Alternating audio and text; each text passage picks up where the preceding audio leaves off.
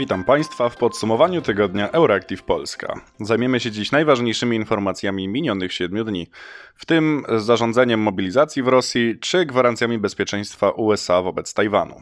Nazywam się Bartosz Sieniawski, a w wirtualnym studiu znajduje się także Patrycja Gosk. Wydawczynią podcastu jest Kinga Wysocka. 19 września odbył się pogrzeb Elżbiety II. Brytyjska królowa zmarła 8 września, a następnie przez kilka dni jej ciało podróżowało po Zjednoczonym Królestwie. Było wystawione w zamkniętej trumnie na widok publiczny dla wszystkich, którzy chcieli się z nią pożegnać. Kolejka, która otworzyła się do trumny z ciałem Elżbiety w Londynie, wynosiła 8 km i była widziana z kosmosu. Czas oczekiwania na chwilę przed trumną wynosił kilkanaście godzin. 19 września królowa ruszyła w swoją ostatnią podróż. Transmisję z jej pogrzebu oglądało 26 milionów ludzi w samej Wielkiej Brytanii. W ceremonii pogrzebowej udział wzięli przedstawiciele i głowy wielu państw, w tym Joe Biden, Emmanuel Macron czy Andrzej Duda. Na uroczystości pogrzebowe nie zostali zaproszeni przedstawiciele Rosji, Białorusi, Mianmy, Nikaragui, Syrii, Iranu, Korei Północnej i Wenezueli, a także rządzonego przez talibów Afganistanu. Ciało Elżbiety po całym dniu pożegnań i uroczystych ceremonii zostało złożone w krypcie królewskiej na zamku Windsor. Monarchini spoczęła obok swojego męża, Filipa. Kanclerz Niemiec Olaf Scholz zaapelował do społeczności międzynarodowej w czasie 77. Zgromadzenia Ogólnego ONZ w Nowym Jorku, aby Niemcy weszły w skład Rady Bezpieczeństwa ONZ.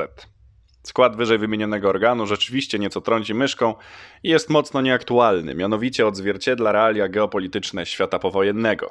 W jego skład wchodzą USA, Rosja, dwa eksmocarstwa kolonialne, czyli Francja i Wielka Brytania oraz Chiny. Niemcy są gotowe wziąć na siebie więcej odpowiedzialności jako stały członek Rady Bezpieczeństwa, powiedział Scholz. Zasady instytucje muszą być dostosowane do realiów XXI wieku. To dotyczy także Rady Bezpieczeństwa. Niemcy opowiadają się za jej reformą i rozszerzeniem. Mój kraj zobowiązuje się strzec w ramach tej organizacji pokoju, rozwoju i równych praw i godności dla każdego człowieka, zapewniał niemiecki kanclerz. Nim jednak Niemcy zostaliby przyjęci do Rady Bezpieczeństwa, mogliby uniezależnić się energetycznie od Rosji lub wykazać się dbaniem o bezpieczeństwo na świecie, wysyłając Ukrainie czołgi, czego nadal odmawiają.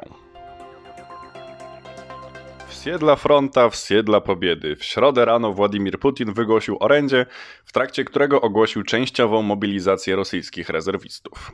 Według zapewnień Siergieja Szojgu, ministra obrony Rosji, Putin chce jak najszybciej widzieć 300 tysięcy nowych żołnierzy na froncie z Ukrainą. To jawna eskalacja konfliktu w tym kraju, rozpętanym przez Rosjan, ponoszących ostatnio na frontach sromotne porażki. W obliczu ukraińskich kontrofensyw separatyści w Donbasie, Ługańsku oraz w częściowo zajętych obwodach hersońskim i zaporowskim zapowiedzieli przeprowadzenie referendów dotyczących przyłączenia tych terytoriów do Rosji. Kreml chce więc wziąć Ukrainę starym, sprawdzonym sposobem na demokrację i najpewniej sfałszować głosowania, których kolosalna frekwencja i równie wielkie poparcie ma być metodą na quasi-legalne zaanektowanie zajmowanych jeszcze przez Rosjan terenów Ukrainy. Zachód, w tym nawet Turcja, zapowiedział już, że nie uzna separatystycznych referendów.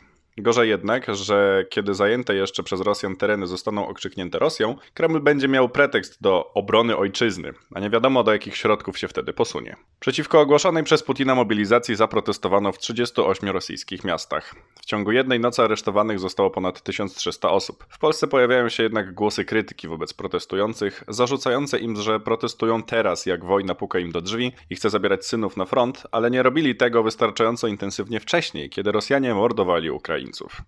Pikiety społeczności rosyjskiej przeciwko wojnie, Putinowi i mobilizacji odbyły się także w Polsce, w tym w Krakowie, Gdańsku, Poznaniu, Warszawie i Wrocławiu.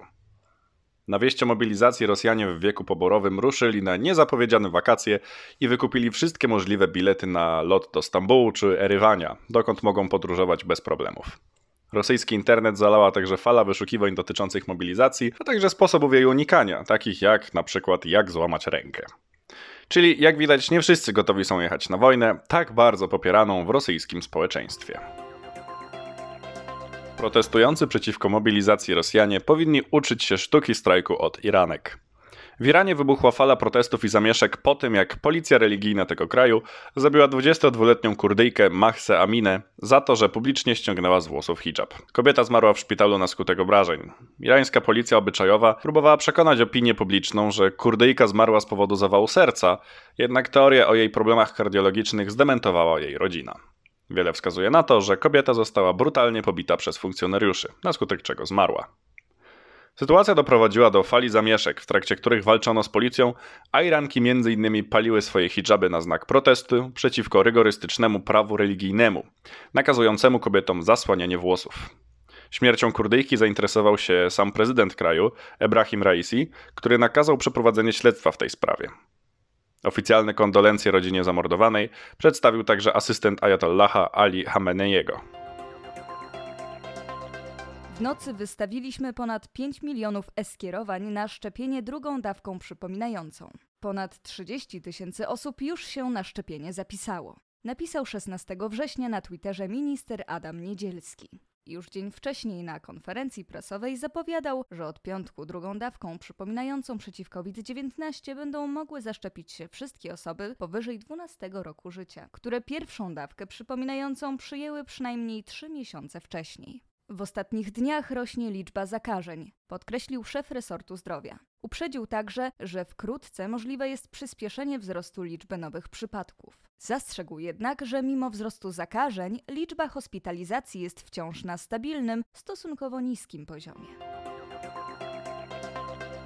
Populistyczna partia ANO byłego premiera Andrzeja Babisza cieszy się największą popularnością wśród wyborców na tydzień przed zaplanowanymi na dzisiaj i sobotę wyborami samorządowymi. Z sondażu przeprowadzonego na początku września bieżącego roku przez agencję STEM dla CNN Prime News, gdy w Pradze doszło do dużej antyrządowej demonstracji z powodu panującej drożyzny, wynika, że ugrupowanie byłego premiera Andrzeja Babisza może liczyć na 30% poparcia wyborców. Na kolejnym miejscu jest eurosceptyczna Partia Wolności i Demokracji Bezpośredniej z wynikiem 14,3%. Oba ugrupowania są bardzo krytyczne wobec Unii Europejskiej, szczególnie w dobie obecnego kryzysu energetycznego. Opowiadają się za rozwiązaniami nacjonalistycznymi i populistycznymi, a potencjalnym wyborcom obiecują niższe koszty życia. Od początku wojny w Ukrainie Partia Wolności i Demokracji naciska na współpracę gospodarczą z Rosją. Rządząca obywatelska Partia Demokratyczna premiera Petra Fiali uzyskała tylko 14,2% poparcia. Ich koalicjanci, Partia Piratów, osiągnęła 9,4%. Natomiast inne ugrupowania współtworzące koalicyjny rząd ledwo osiągnęłyby próg 5%. Ruch ANO jest najbardziej popularny wśród wyborców w wieku powyżej 60 lat i osób z niższym wskaźnikiem wykształcenia. ANO cieszy się dużą popularnością również w małych miejscowościach. Partie rządzącej koalicji notują większe poparcie w dużych miastach i wśród osób z wyższym wykształceniem.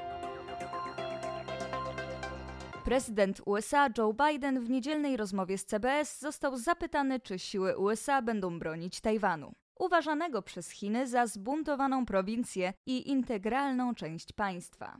W odpowiedzi na pytanie prezydent USA odparł: tak, jeśli rzeczywiście dojdzie do bezprecedensowego ataku. Biden dopytywany, czy oznacza to, że inaczej niż w Ukrainie, USA bezpośrednio zaangażują się w obronę Tajwanu, kierując do walki swoich obywateli, odparł tak.